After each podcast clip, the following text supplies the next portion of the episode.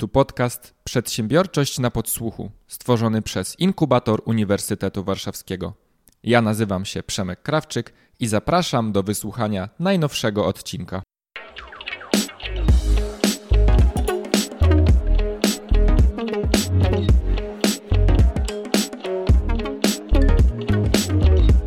Dzień dobry, witajcie. Czwarty odcinek podcastu Inkubatora. Nasz podcast nazywa się e, Przedsiębiorczość na podsłuchu i w intro to już na pewno usłyszeliście. No i ja mam takie wrażenie, że dzisiaj to jest ta, ta nazwa odcinka idealnie będzie oddawać to, o czym my będziemy rozmawiać dziś, bo zaprosiłem do naszego podcastowego studia Kasię Marciniak. Dzień dobry, Kasiu. Dzień dobry.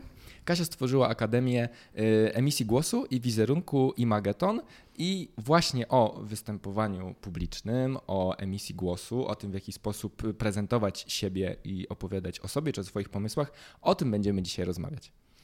Y, no więc Kasiu, ja sobie mm, ja sobie układałem w głowie plan na naszą dzisiejszą rozmowę i no myślę sobie, że musimy klasycznie zacząć od y, samego początku. Ja wiem o tym i chciałbym, żebyś teraz ewentualnie potwierdziła albo się nie zgodziła z moją tezą, że do, do tego, żeby dobrze występować na scenie, do tego trzeba się dobrze y, przygotować i po prostu bardzo mocno i bardzo dużo i bardzo często ćwiczyć. Y, I to tak naprawdę ten trening czyni mistrza i też często stres się bierze stąd, że po prostu mamy to nieprzećwiczone, więc nie jesteśmy do końca tego pewni. Więc czy, czy, czy, ty też tak, y, czy ty też tak myślisz, że za każdą kolejną próbą będzie coraz lepiej i to nas przybliża do sukcesu? Tak, oczywiście, że tak. No, jeżeli jesteśmy bardziej przygotowani, to automatycznie mniej się stresujemy, więc y, ćwiczyć, ćwiczyć, ćwiczyć. Ja tak sobie myślę, że wszyscy, którzy przychodzą do mnie na zajęcia i chcą trenować wystąpienia publiczne, to od razu chcieliby być mistrzami w tym mhm. zakresie. A ekspresowo. Ekspresowo, tak jest. Natomiast jeśli chodzi o wystąpienia publiczne, to jest tak, że jeżeli nie zaczniemy występować publicznie, to nie nauczymy się po prostu tego. Więc im częściej występujemy, im więcej ćwiczymy, tym po prostu lepiej nam wychodzi.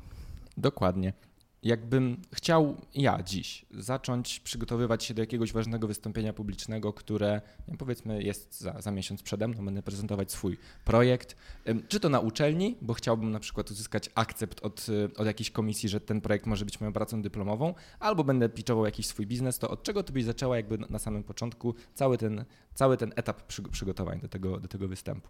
Zaczęłabym od tego, żeby się zastanowić nad okolicznościami tego wystąpienia, czyli mhm. przede wszystkim zastanowić się nad tym, jaki jest cel tego naszego wystąpienia, czyli co chcemy osiągnąć. Bo jeśli tego sobie nie określimy, to będzie nam dużo trudniej przygotować całą treść naszego wystąpienia. Drugim elementem, nad którym warto się zastanowić, to no, ile mamy czasu.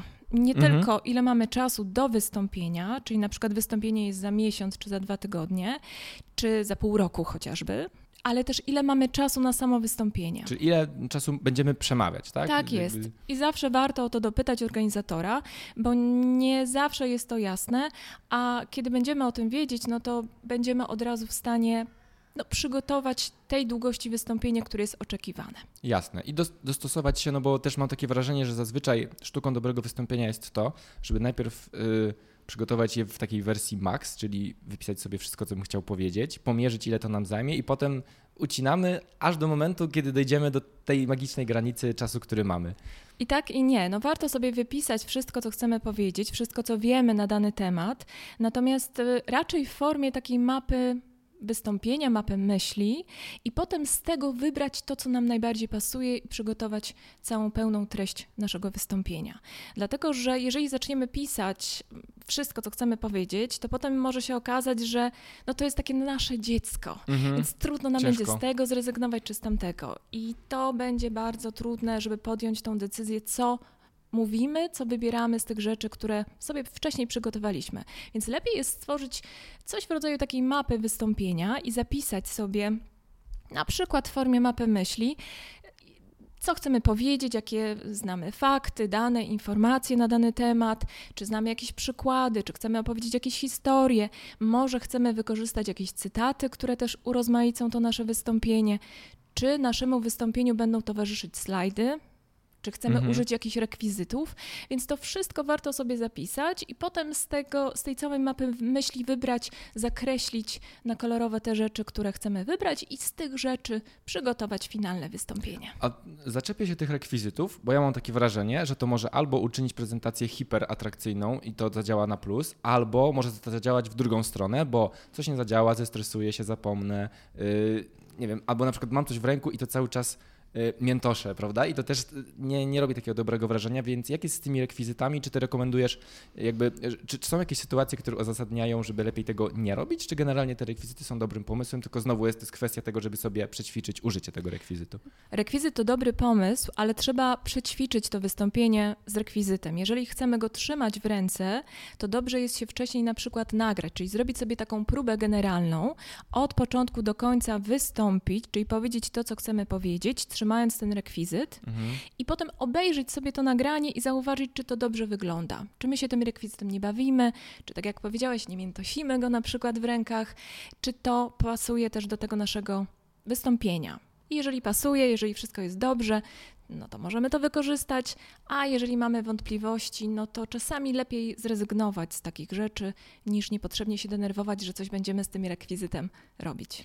Ja brałem udział w Twoich warsztatach. Y, z jednej strony jako uczestnik, ale też miałem okazję obserwować Ciebie podczas zajęć i Ty właśnie nagrywasz uczestników. I z mojego doświadczenia wynika, że za, za pierwszym razem, kiedy uczestnicy się dowiadują, że będą nagrywani, to oblewa ich zimny pot i paraliżuje strach. O co chodzi z tym nagrywaniem? Po co nagrywać siebie albo właśnie na zajęciach gdzieś tam y, właśnie nagrywać nagrywać i później odtwarzać siebie, żeby zobaczyć, w jaki sposób to wystąpienie poszło?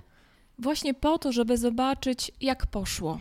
Czyli jak się zachowujemy, jak zachowuje się nasze ciało, co się dzieje z mimiką mhm. na przykład, czy nie mówimy za szybko, czy nie mówimy za wolno, czy nie zacinamy się gdzieś tam w trakcie. Jeśli się zacinamy, to warto sprawdzić, w których miejscach i czy to się na przykład powtarza, i potem na to zareagować, coś zmienić, właśnie po to, żeby być coraz lepszym, bo to nagrywanie się, chociaż nikt tego nie lubi. No, tak. A jeszcze bardziej duży, duży stresuje często. nas to, że musimy siebie oglądać. Mhm. Natomiast jest to bardzo dobre ćwiczenie i z mojego doświadczenia wynika, że po 15-20 nagraniach nagle zaczynamy się oswajać ze sobą, ze swoją mm, mimiką, sposobem zachowania, sposobem mówienia i już nie koncentrujemy się tak bardzo na tym, nie denerwujemy się tym, jak ja wypadnę, tylko możemy się faktycznie skoncentrować na tym, co my chcemy odbiorcom przekazać. Jasne. To, co jest najważniejsze w wystąpieniu. Jasne, to Idziemy dalej. Y, w takiej wystąpieniowej etykiecie. Ja mam, no, chciałbym ciebie zapytać o kwestię ubioru.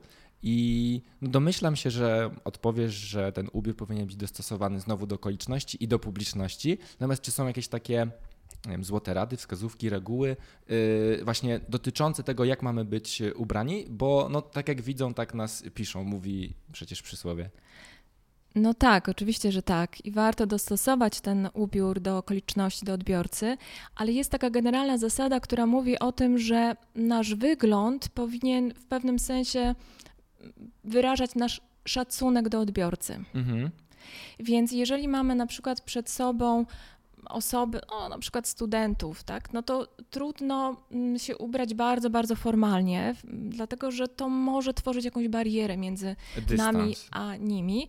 Natomiast też nie chodzi o to, żeby nagle się ubrać w krótkie spodenki i w koszulkę na ramionczkach. Mhm. No bo my jednak, no, chcemy wypaść dobrze i chcemy mm, no, zbudować swój wizerunek profesjonalisty a w krótkich spodenkach i w koszulce na ramionczkach niekoniecznie nam się zawsze może to udać. No tak, ale z drugiej strony też yy, ja na przykład jestem takiego zdania, że nasz wygląd też może czy powinien korespondować z tym, o czym będziemy opowiadali. Więc jeżeli ja na przykład prezentuję pomysł innowacyjnej kancelarii prawnej i mówię do innych prawników, to ubieram się, y, ubieram się w garnitur, bo to jest gdzieś tam strój, który w tym środowisku jest uważany za taki normalny outfit, ale jeżeli na przykład nie wiem, jestem właśnie startupowcem, który tworzy aplikac- apkę dla młodych ludzi, która gdzieś chciałaby w swoim przekazie być mocno bezpośrednia, no to właśnie, czy wtedy byłoby błędem, gdybym ubrał y, na przykład bluzę albo shorty i w ten sposób prezentował swój pomysł i gdzieś tam pozwalał się identyfikować właśnie z tym projektem, który, który właśnie wymyśliłem. Dobrze pomyśleć sobie o tym, że nasze ubranie to jest w pewnym sensie kostium sceniczny. Mhm. Tak jak na scenie aktorzy odgrywają różne role i też ubierają się w określony sposób, który powie trochę o tym, co, co chcą mówić, o czym, chcemy, o, o, czym chcą przekazać. Tak samo my powinniśmy ten strój dostosować do okoliczności, do odbiorców, ale czasami można złamać ten schemat, tak jak mówisz. Jeżeli mamy aplikację dla, mm, o surfingu dla surferów, Dokładnie. no to możemy złamać trochę ten schemat i ubrać się w taki strój no, dla yy, surf, surferski, japonki, tak, jakaś e, bluzka w hawajskie wzory, ale trochę będzie to mm, z przymrużeniem oka. Czyli to będzie taki element przedstawienia trochę. Tak jest, tak, taki kostium sceniczny. No tak, czyli bardzo mocno zwracamy uwagę na to, do kogo mówimy, o czym, o czym mówimy i y, y, Znowu kolejny element, co do którego ja nie zawsze mam pewność, to zwracanie się do widowni i na przykład to, czy powinniśmy to robić per drodzy Państwo, czy Wy, jaki poziom, poziom bezpośredniości w relacji z tą widownią powinniśmy spróbować się zawią- spróbować zawiązać. No to jest bardzo trudne pytanie, dlatego że w tych czasach jest, jest to trudne nawet dla mnie.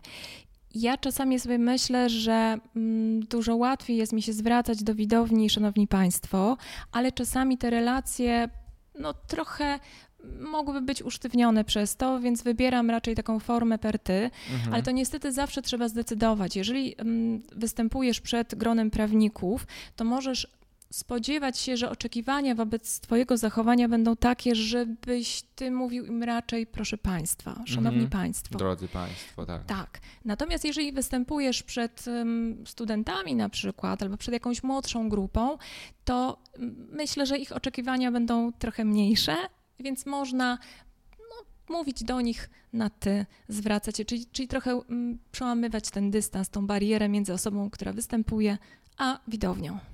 To jest niesamowite, bo ja sobie przypominam różne sytuacje, kiedy miałem do, do, do, czynienia z kimś, kto próbował mi coś sprzedać, na przykład gdzieś w instytucji, w której pracuję. To była osoba, która przychodziła i miałem wrażenie, że ona zupełnie nie ma zielonego pojęcia, do kogo ona mówi. Nawet wcześniej nie spytała, nie zadała sobie tego trudu, żeby wybadać, do kogo ona będzie mówić. I ten przekaz był maksymalnie niedostosowany, bo on był po prostu taki sam dla wszystkich. I ja sobie myślałem właśnie, że no kurczę, to byłby pewnie wysiłek napisania jednej wiadomości do kogoś w organizacji z pytaniem, kto będzie na spotkaniu, jacy ci ludzie są w wieku, nie? I można się bardzo łatwo tak trochę wtedy przygotować, a mam wrażenie, że większość ludzi właśnie tego nie robi i to jest chyba duży błąd. Tak, no jak mm, zaczęliśmy na początku od tego, żeby zastanowić się, jakie są okoliczności tego na, naszego wystąpienia, jaki mamy cel tego naszego wystąpienia, to warto również w tym momencie zastanowić się, kim są nasi odbiorcy. Mhm. Kim są, ile mają lat, jakie mają doświadczenie w tym samym temacie, o którym mówimy, bo to nam też ułatwi przygotowania pozostałych elementów, nie tylko treści, ale też na przykład rekwizytów, ale też e, slajdów czy jakichś innych elementów wystąpienia. Ułatwi nam też podjęcie decyzji, co ubierzemy. Mhm, dokładnie. Dzień przed wystąpieniem to jest taki pewnie jeden z kluczowych momentów, bo kiedy się trenuje biegi na przykład długodystansowe, to dwa dni, dzień przed startem się odstawia trening i się przechodzi na ten etap y, regeneracji, zbierania sił. Czy znalazłabyś taką analogię w wystąpieniach publicznych, że jak już to przetrenujemy, to dzień przed sobie robimy przerwę? Czy tutaj akurat y, nie ma, od przybytku głowa nie boli, można, można ćwiczyć aż do samego momentu prezentacji? Ja myślę, że to zależy od osoby, która występuje. Bo na pewno jest tak, że jeżeli zrobimy sobie dzień przerwy, to te słowa, ta wiedza w jakiś sposób okrzepnie. Poza tym, jeżeli będziemy trenować do ostatniej chwili, to potem jak wyjdziemy na scenę, to może się okazać, że już straciliśmy taką autentyczność, naturalność. Mhm. I, czyli trenujemy. się tą prezentacją. Sami się znudziliśmy tą prezentacją, albo nauczyliśmy się jej na pamięć, co gorsze, mhm. i po prostu mówimy y, tak y, trochę, jakbyśmy strzelali y, z karabinu słowa po słowie. Więc można sobie taką przerwę zrobić, ale jeżeli ktoś jest zestresowany i denerwuje się tym bardzo, tym wystąpieniem, i ma taką potrzebę, żeby ćwiczyć jeszcze dzień wcześniej, no to niech ćwiczy. Mhm. A jaka jest Twoja opinia, bo część osób jest na tyle zestresowana, że na scenie dopada je paraliż i zapominają o tym wszystkim, y, czego ma dotyczyć prezentacja i niektórzy się uciekają do mówienia z kartki i właśnie argumentują to tym, że albo kartka, albo w ogóle nie wyjdę. Więc y, właśnie, może teraz pomówmy o tym stresie. Czyli po pierwsze, czy Twoim zdaniem y, te mówienie z kartki przysłowiowe może ujść komuś na sucho, czy jednak powinien y, robić to bez kartki? A jeżeli tak, to właśnie jakie techniki takie radzenia sobie ze stresem można gdzieś tam zastosować, żeby go jak najbardziej zminimalizować albo no, przekuć go w ten pozytywny stres taki mm, e, dający kopa motywacyjnego, a nie paraliżujący? Przede wszystkim tremy nie można się pozbyć zupełnie. Można mhm. ją oswoić, ale ona zawsze będzie. Więc też akceptacja tego, że się denerwuje, no, co jest czymś naturalnym, no bo to y, wystąpienie publiczne nie jest łatwą rzeczą, zwłaszcza wtedy, kiedy mamy jakiś taki mocny cel, chcemy dobrze wystąpić, zależy nam na tym, żeby pozyskać pieniądze na przykład na projekt albo żeby dostać dobrą ocenę na, obrony na obronie pracy, więc to nie jest łatwa sprawa, więc na początku warto po prostu zaakceptować, ok, dobra, stresuję się, trochę się denerwuję, ale zamiast myśleć o tej tremie jako o takim wielkim smoku, który ma 10 głów i tak naprawdę w ogóle nie wiemy, jakie to głowy, warto się zastanowić nad tym, czego ja tak naprawdę się denerwuję, czym się stresuję, czego się obawiam. Mhm i nawet sobie zrobić listę. Ja też pokazuję takie bardzo proste ćwiczenie, żeby wziąć sobie kartkę, po jednej stronie kartki zapisać sobie wszystkie te rzeczy, których się obawiamy, co najgorszego może się wydarzyć podczas wystąpienia, a po drugiej stronie zastanowić się, hmm, co ja mogę zrobić, żeby po pierwsze zminimalizować, żeby się nie wydarzyło to, czego się obawiam, a po drugie, jak się zachowam, jeśli nawet to się przydarzy. I robiąc sobie takie ćwiczenie, możemy no, w pewnym sensie przygotować się na różne zaskakujące sytuacje, a z drugiej strony też w pewnym sensie oswoić tą swoją tremę i popatrzeć, że hmm, tak naprawdę to nie boi się tak wielu rzeczy. Mhm. Tam jest kilka rzeczy, warto się do tego po prostu lepiej przygotować. A z tą kartką, z czytaniem z kartki, to jest tak, że ja zachęcam, że jeśli ktoś już musi mieć jakąś kartkę, to żeby sobie na tej kartce nie pisał tekstu całego wystąpienia, tylko żeby sobie zapisał hasłowo to, o czym chce powiedzieć.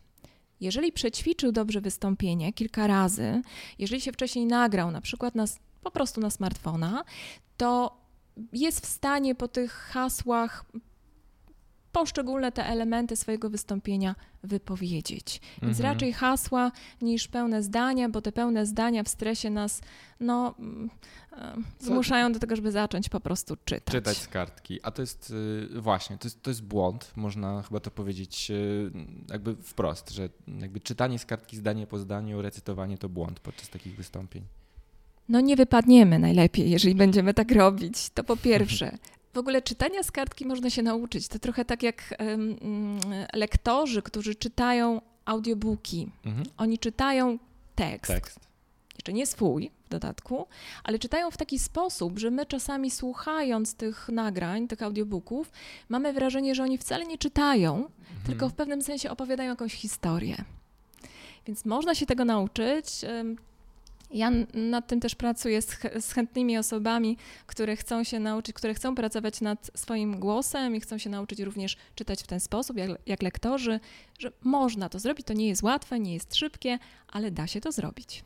Jasne. A taka sytuacja odwrotna trochę, czyli yy, tak wiele razy, czyli są, są osoby, które przygotowują prezentację w taki sposób, że się uczą jej na pamięć, wychodzą i recytują. I teraz znowu, czy można jakoś to zatuszować, czy no właśnie, bo ja cały czas zadaję takie pytania, czy gdzieś tam przywołuję konkretne przypadki po prostu, bo przypominam sobie, kiedy albo ja, albo ktoś z mojego otoczenia właśnie w ten sposób zrobił i się zastanawiam, czy to, jak to mogło być odebrane, no bo wiadomo, że też w twarz nie zawsze usłyszymy, że no, to nie, było, nie wyszło ci najlepiej, bo, bo nie jesteśmy jakoś super najlepsi wszyscy w wydawaniu feedbacku, ale właśnie jak to jest z tą sytuacją recytowania? Czy to tak widać, czy z twojego doświadczenia wynika, że to rzeczywiście by wpływa negatywnie na odbiór y, całości?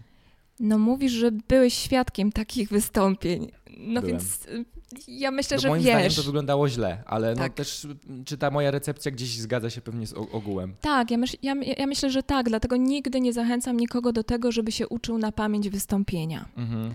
Warto je ćwiczyć, ale nie uczyć się na pamięć, dlatego że no właśnie w sytuacji tremy, stresu, w trakcie wystąpienia możemy zacząć recytować trochę jak, mm, tak jak powiedziałam wcześniej, jakbyśmy wyrzucali poszczególne słowa trochę jak z karabinu. Mhm, jasne, jasne. No więc y, y, stres, mamy trochę już omówiony ten temat i przychodzi ten moment, kiedy do wystąpienia zostaje nam kilkadziesiąt, kilkadziesiąt minut y, i wiem, że uczysz też między innymi i podpowiadasz różne ćwiczenia, które mają na celu rozgrzać nasz aparat mowy, bo jest to niesamowicie istotne, żeby być dobrze przygotowanym do wyjścia na scenę, żeby te słowa wychodziły z nas prawidłowo, żebyśmy nie, nie mylili się i jakbyś mogła sprzedać nam teraz kolokwialnie kilka takich mega podstawowych ćwiczeń, które nam pomogą właśnie gdzieś przygotować się do poprawnego wymówienia tego wszystkiego, co byśmy chcieli wypowiedzieć.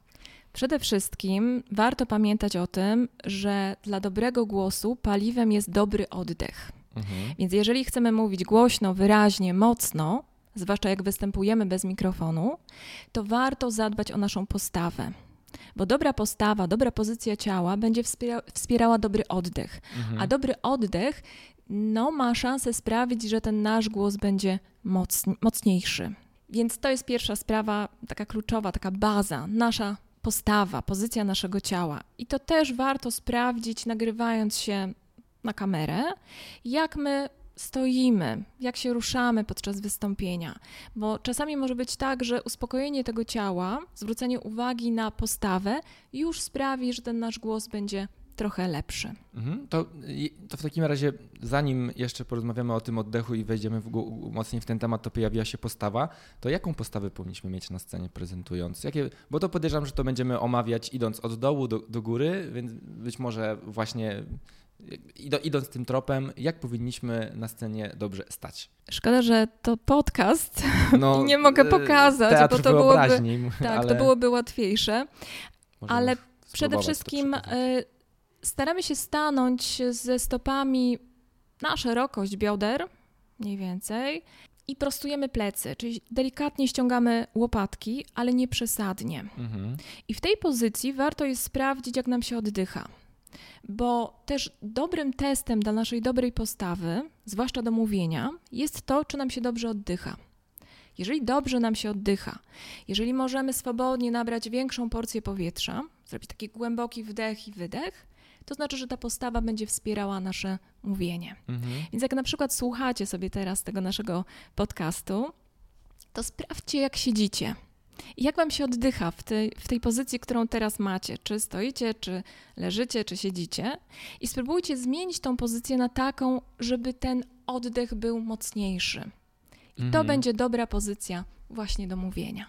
Jasne. A mm, gdzieś właśnie nie, nie wiem, czy to jest dobre określenie stereotyp, ale funkcjonuje, funkcjonowało gdzieś w przestrzeni takie przekonanie, że mamy te postawy zamknięte, otwarte, krzyżowanie rąk, czy e, robienie, robienie jakichś gestów rękami. Powiedz, ile jest w tym prawdy i, i czy rzeczywiście powinniśmy przyjąć jakąś tą postawę, patrząc z tej perspektywy właśnie no, tego klasycznego podziału, który kiedyś mieliśmy okazję słyszeć, otwarta, zamknięta. Dobrze jest obserwować innych, którzy występują i też zadawać sobie pytania – czy mi się podoba to, jak ta osoba występuje, mm. czy raczej nie bardzo. Jest cały, przecież cała platforma TED.com, która jest Oczywiście. pełna wystąpień i gdzie można się inspirować i warto jest też zerknąć na to, jak się zachowują, jaka jest mowa ciała poszczególnych osób, które tam występują i inspirować się. Mhm. Zauważyć, jak ta osoba stoi, jak tamta stoi, czy mi się to podoba. Dlatego, że no, pewnie są jakieś zasady, które są określone, że wygląda się po prostu najlepiej, też najbardziej bez jakiejś dominacji. Na przykład, jeżeli złapiemy sobie, położymy sobie ręce na biodrach, to mm, możemy sprawiać wrażenie takiej osoby, która chce narzucić swoje zdanie widowni. Czyli to jest nawet zbyt y, otwarte, tak tudzież jakieś takie, y, no nie wiem, czy usłyszeć słowa agresywne, ale takie właśnie narzucające to jest postawa, tak? Tak I to jest. też jest błąd. I nasi odbiorcy mogą się zamknąć y, na to, co chcemy im powiedzieć albo do czego przekonać. Mhm. Z drugiej strony na przykład ta pozycja stojąca kiedy mamy złączone stopy, kiedy trzymamy ręce za plecami, też niekoniecznie może być taka wspierająca to nasze wystąpienie, ten nasz wizerunek, no bo możemy zostać odebrani jako osoby, które się denerwują, które nie są pewne tego, co mówimy. Więc taka klasyczna pozycja, o której mm, warto pamiętać, to jest ze stopami na szerokość bioder i można sobie ręce umieścić gdzieś na wysokości splotu słonecznego tak delikatnie złożone, mhm. tylko pamiętamy, żeby nie splatać palców, bo w stresie te palce mogą nam się nie rozpleść, nie rozpleść. i będziemy przez kilka minut albo kilkanaście nawet stać właśnie w takiej pozycji mm, ze splecionymi palcami. Ale jeżeli złożymy sobie delikatnie dłonie, gdzieś na wysokości splotu słonecznego, to one nam się po chwili otworzą w ładne gesty. Mhm. I zaczniemy gestykulować. No tak, bo z tą gestykulacją to też y, ja miałem taki problem, że kiedy pierwszy raz zobaczyłem siebie prezentującego, to moje ręce strasznie latały. Ja machałem nimi na wszystkie strony i nie byłem do końca tego świadomy. I to jest znowu taki y, kurczę, to niesamowite, jak z jak wielu detali składa się to dobre wystąpienie i ile, o ile rzeczy trzeba zadbać naraz, dlatego nie da się tego zrobić z biegu i to, że mówiliśmy, że trzeba ćwiczyć, to, to, to prawda, no ale właśnie na przykład te wymachiwanie rękami, no to też nadekspresja też nie jest wskazana i tutaj cały ten odcinek mam wrażenie się zasadza na tym, żeby znaleźć pewien umiar i złoty środek, tak czegoś pomiędzy byciem zbyt zamkniętym, a zbyt otwartym, zbyt ekspresyjnym i za mało, czyli też, yy, też pewnie właśnie ta gestykulacja może nam przeszkodzić, ale w umiarkowanym stopniu ona wzmacnia pewnie nasze punkty, bo w momencie, kiedy właśnie ja teraz, teraz to robię, prawda? Czyli chcę zwrócić na coś uwagę słuchacza, położyć jakiś akcent, więc wtedy te dłonie mogą zrobić jakiś ruch do przodu i to jest taki sygnał, że to jest ważne, prawda? Dokładnie. Tak jest, zgadza się. Super.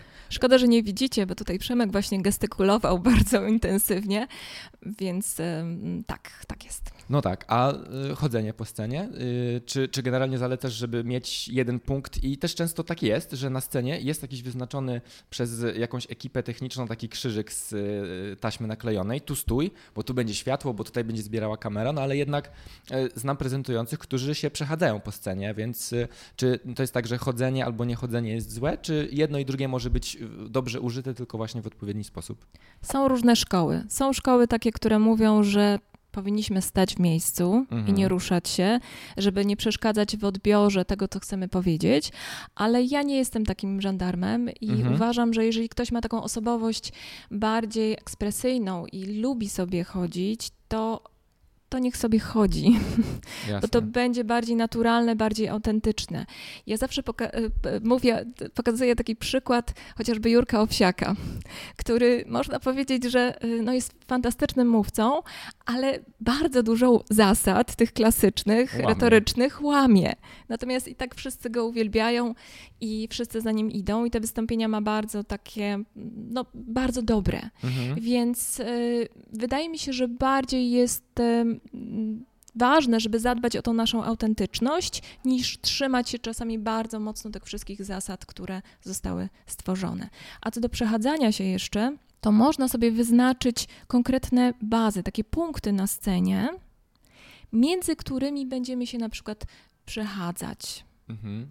I też zachęcam do tego, żeby te bazy były blisko siebie, I żeby nie były po jednej fajnie scenie. sobie właśnie fizycznie zaznaczyć, prawda? Gdzieś na przykład na podłodze. To, to chyba jest dobry pomysł, żeby takie sobie punkciki zaznaczyć, jeżeli można. Jeżeli można. Jeżeli publiczność tego nie będzie widziała, że, tam, że ta scena jest ta pomazana, że tak powiem. Natomiast zaznaczyłabym je podczas ćwiczeń. Mhm. Już jak jesteśmy na scenie, to czasami nie mamy tej możliwości, żeby zaznaczyć sobie, więc jeżeli nauczymy się ufać tym, że są punkty, to ja będę między tymi punktami zaznaczonymi się poruszać, a ich nie będzie w danym momencie, to możemy się też zestresować, pogubić. Mhm. Więc można to przetrenować, ale nie trzymałabym się tego oznaczenia bardzo jakoś mocno, żeby sobie nie nakładać dodatkowych, dodatkowego stresu, jakichś takich wymogów, że o, to teraz ja przychodzę gdzieś na jakąś konferencję i mówię do organizatorów, że wystąpię, ale pod warunkiem, że będą trzy punkty tutaj na środku, no tak. po lewej i po prawej. Troszkę przesada. No dobrze, ale to wróćmy jeszcze, żeby zamknąć ten wątek. Te ćwiczenia na aparat mowy. Y, jakbyś miała tak,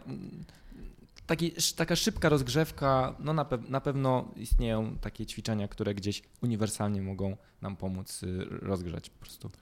Automasaż, automasaż twarzy, czyli rozluźnienie mięśni. Tutaj powyżej obojczyków mamy około 80 mięśni mhm. i wyobraź sobie, że wystarczy, że jeden się napnie, to już będzie Ale napina... automasaż, czy ja dotykam swojej twarzy? Na przykład. Można sobie popłukiwać. Jest taka dziedzina, która się nazywa yoga twarzy. Można się zainspirować, popatrzeć sobie, jakie są ćwiczenia i po prostu porozluźniać w ten sposób mięśnie tutaj w okolicy naszego aparatu mowy. Przede wszystkim żwacze, które bardzo często nam zaciskają zęby i uniemożliwiają nam takie swobodne, głośne mówienie. Mhm. Więc to jest pierwsza rzecz. Automasaż twarzy. Druga rzecz to wszystkie dzióbki. Jeśli pamiętacie z dzieciństwa, rybki, świnki, króliczki, mm, czyli wszystko, wszystkie różne dziwne miny, które robimy ustami, to również je warto zrobić. O pięć powtórzeń każdego z takich dzióbków. Rozgrzeją się wargi. Mhm. Następnie jest język. Językiem też warto trochę popracować, żeby był elastyczny, żeby wszystkie głoski, spółgłoski zwłaszcza ładnie też artykułować. No i ćwiczenia na język, oblizywanie sobie warg na przykład albo dziąseł, kląskanie, mhm. powtarzanie takich zbitek głoskowych koko, koko, koko, koko, kuku, kuku, kuku, kuku na przykład. Mhm parskanie, kląskanie, o kląskaniu już mówiłam, mhm. i też powtarzanie jakichś trudnych łamańców językowych. Można sobie na przykład znaleźć w internecie jakiś trudny wierszyk dykcyjny, nauczyć się go na pamięć. W chaszczach grząskich tuż po brzasku pewien brzdąc narobił wrzasku. Ojejku, pięknie, to zabiód na moich słuchawkach. I yy, powtarzać, nauczyć się na pamięć kilku wersów takiego trudnego dykcyjnego wierszyka, i potem sobie przed wystąpieniem powtórzyć kilka razy, właśnie po to, żeby rozgrzać aparat mowy. Super. A mm, z kolei przychodzą mi do głowy napoje. Yy, ciepłe, zimne, gazowane, niegazowane. Yy, czy to ma, ma jakikolwiek wpływ na wystąpienie, to co pijemy przed wystąpieniem? Może być. Ja miałam kilka razy taką historię, że przyszłam na jakieś wystąpienie i patrzę, że pani, która zaraz będzie występować albo prowadzić szkolenie, ma na stoliku przed sobą sok jabłkowy. Taki sok jabłkowy, słodki, nie chcę wymieniać marki, mhm. ale pewnie wiecie o jaki sok chodzi. Mhm. Taki słodzony sok jabłkowy. I ja popatrzyłam tylko na ten sok jabłkowy i pomyślałam sobie, hmm, pięć minut. I po pięciu minutach zaczęły się odchrząkiwania i różne takie odgłosy, więc y, woda. Woda.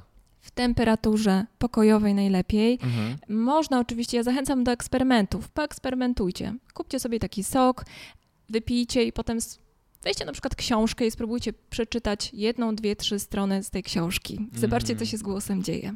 Jasne. Kawa również, mocna herbata może nam wysuszać śluzówkę, no i utrudniać to takie wyraźne mówienie. Może się pojawić taka potrzeba odchrząkiwania w trakcie mówienia. Mhm. Więc woda jest zawsze najlepsza. Gazowana, niegazowana ma to znaczenie?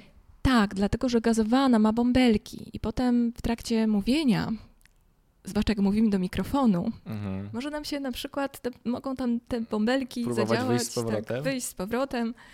Więc no nie chcemy tego. I też ja mam takie wrażenie osobiście, że gazowana woda czy gazowane napoje mi tak podrażniają trochę gardło i znowu tak. mam takie... Mm, Wysuszają gardło też. To nie, to nie jest też komfortowe. Mhm. No nie, ale ja zachęcam do eksperymentów, bo każdy jest innym instrumentem mhm. i na każdego co innego działa, więc warto sobie testować i próbować, jak mi się gada po kawie, jak mi się gada po mocnej herbacie, jak mi się gada po wodzie.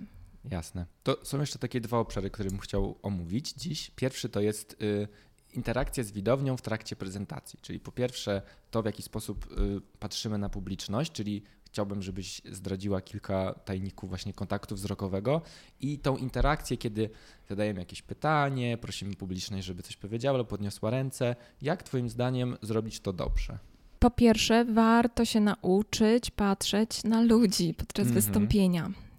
I mówię o tym, że nauczyć się, dlatego że na początku, jeśli nie mamy doświadczenia, może to być trudne. Prawie każdy ma z tym jakiś mniejszy lub większy problem. Więc jeszcze raz mówię o tej akceptacji, że nie jesteśmy mistrzem od razu i może podczas pierwszego wystąpienia będziemy mieć z tym problem, może też podczas drugiego, ale podczas kolejnych już będzie coraz lepiej. Mhm. Mówi się o tym, że ludzie słuchają, jeśli na nich patrzymy, bo oni wtedy mają poczucie, że mówimy do nich. Tak, są na takim świeczniku. Tak, trochę tak, ale przede wszystkim wiedzą, że my się zwracamy do nich. Można sobie zrobić też test i nagrać się, patrząc, nie patrząc w oko kamery. Mhm.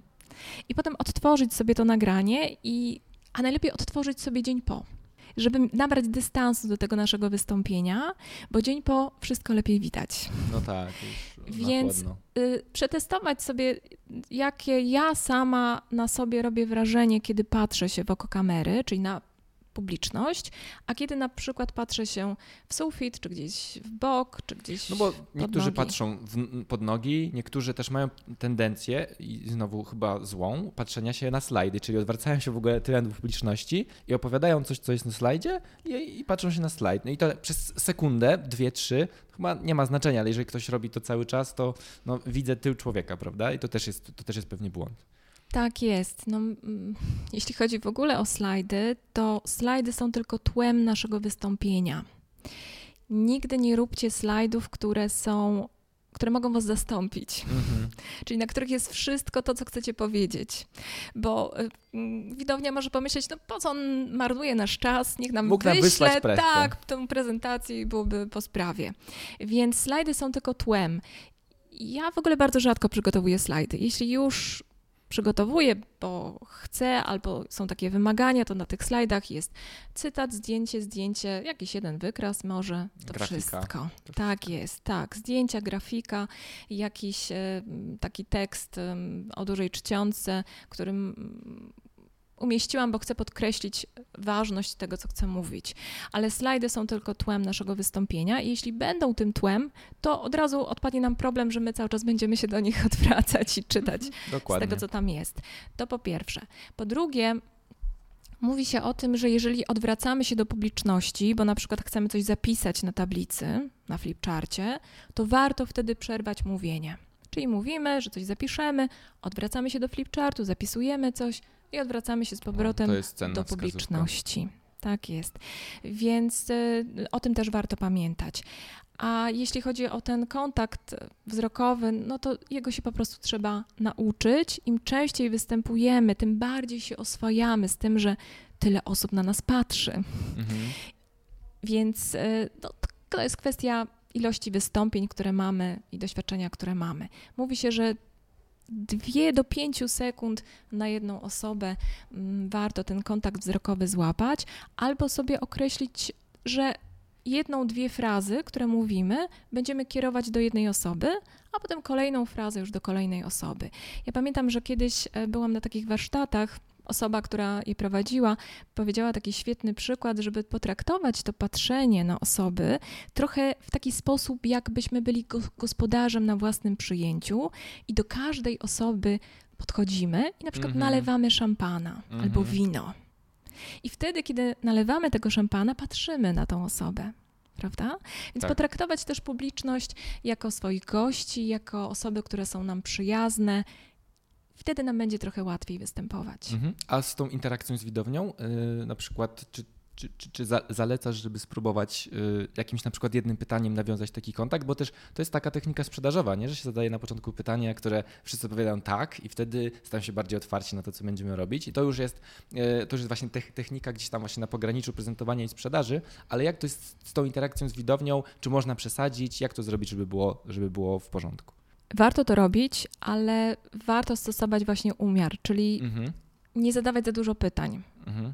Wszystko zależy od tego tak naprawdę, jaki mamy cel. To trudno jest mi tak odpowiedzieć, bo to zależy od wystąpienia, zależy też od długości tego wystąpienia. Zupełnie inaczej przygotujemy wystąpienie, kiedy mamy na przykład pół godziny albo godzinę wręcz, a zupełnie inaczej, kiedy mamy 5-10 minut. Więc to trudno jest powiedzieć. Warto na pewno to stosować, zadawać jakieś pytania. Można też zastosować e, taki rekwizyt, na przykład rozdać wszystkim. Ja pamiętam takie wystąpienie podczas chyba któregoś e, finału Brave Camp z, z papierowymi muchami, prawda? Mhm, By, tak. Było coś takiego, Było tak. coś takiego, albo bu- była też taka sytuacja, gdzie jedna z uczestniczek poprosiła, żeby każdy teraz y, spróbował, y, y, spróbował wyjąć taką karteczkę z, y, spod swojego krzesła, na którym siedzimy, tak? I każdy tam, y, tak, prawda, spróbował powodzić dłonią, poczuł, wyjął i tam było coś zapisane. I to też miałem wrażenie, że to jest bardzo ciekawe, bo to automatycznie skupiło uwagę wszystkich i jako, że to była prezentacja numer, nie wiem, 18, to już wszyscy prawda, leżeli pod stołem i już nie chcieli słuchać, ale jej się udało na powrót wszystkich e, złapać e, pod względem ich uwagi właśnie. No właśnie, tak jest, więc warto takie triki stosować po to, żeby rozgrzać publiczność, żeby no, była bardziej zaangażowana. Mhm.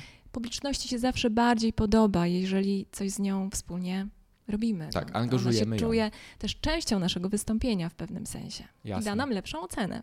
Jasne. No i już ostatnie moje pytanie y, to jest to, co się dzieje, bo po większości prezentacji przechodzimy do sesji pytań i odpowiedzi i na przykład y, gdzieś zauważyłem, że y, wiele osób ma taką tendencję do na przykład mówienia, że bardzo dziękuję za to pytanie, to jest bardzo dobre pytanie i, i już jest do tego stopnia, że to już się staje przynajmniej moim zdaniem takie troszkę takie wy, wyświechtane, jak, y, jak, jak, jak właśnie w dobrym tonie reagować później na, na takie pytania, w jaki sposób się zachowywać, kiedy gdzieś stajemy w takim ogniu pytań i część z nich, może nieświadomie też, y, jest nacechowana jakoś tak krytycznie, więc my automatycznie mamy taką tendencję, żeby zaczynać y, taki syndrom okupowanej twierdzy, że jak ktoś się mnie o coś pyta, to znaczy, że chcemy skrytykować, więc w jaki sposób dobrze rozegrać tą fazę, kiedy właśnie publiczność ma głos i chce, chce, nas, chce nas o coś spytać. No, starać się odpowiedzieć na pytania, jeżeli oczywiście znamy odpowiedź. Jeżeli nie znamy tej odpowiedzi, no to tak jak mówiłeś, no są różne techniki, żeby właśnie zyskać na czasie, więc można podziękować za to pytanie, to bardzo dobre pytanie. Można na przykład dopytać, a co pan dokładnie rozumie pod Mhm. tym, czy pod tym, tak? I zyskać też czas na to, żeby się zastanowić. Zastanów- Super. Granie na Mo- czas. Można również y, to w takich sytuacjach, kiedy ktoś nas chce na przykład zaatakować, można oddać to pytanie pytającemu, czyli powiedzieć: A jak pan myśli? Mhm. Jeżeli ta osoba mm, chce nas zaatakować, to ona wie dokładnie, co chce odpowiedzieć, więc może ona sama udzielić tej odpowiedzi. Można Wręczyć spróbować, tak, można spróbować też mm, zwrócić się do publiczności. Słuchajcie, a jak wy sądzicie? Co wy o tym myślicie?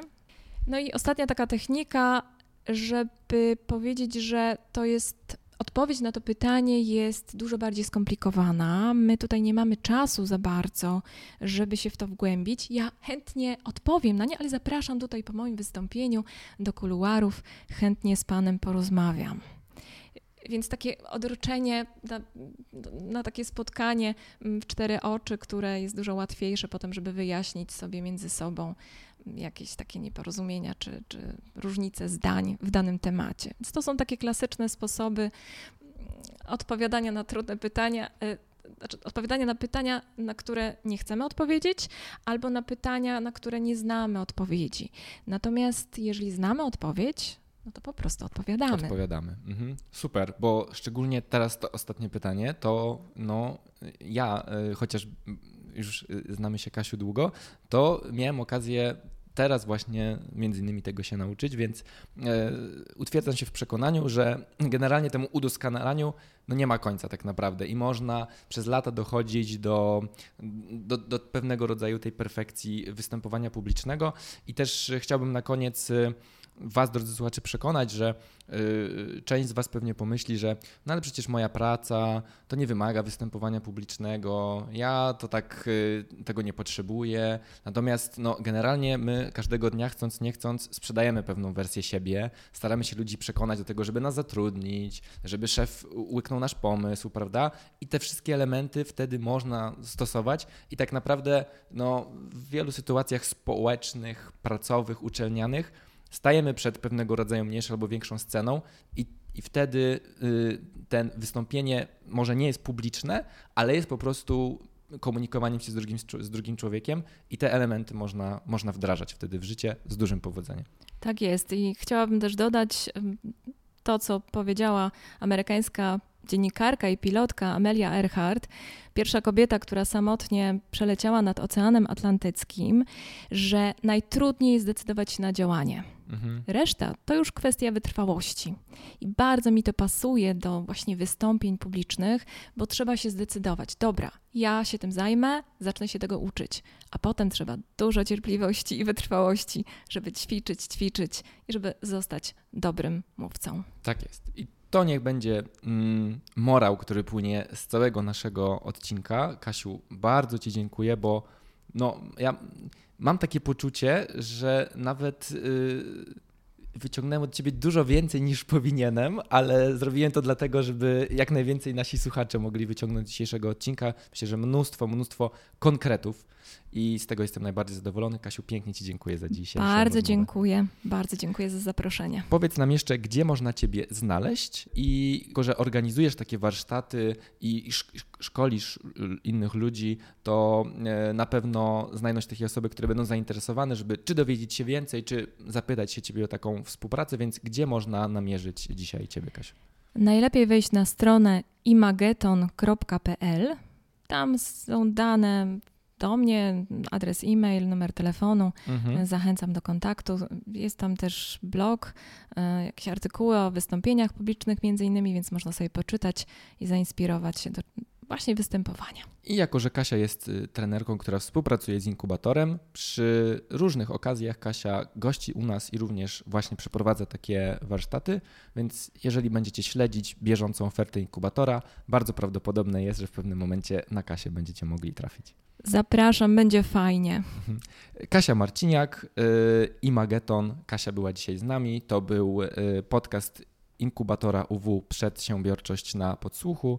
Możecie nas słuchać tam, gdzie lubicie i kiedy lubicie i słyszymy się za dwa tygodnie. Dziękuję, do widzenia.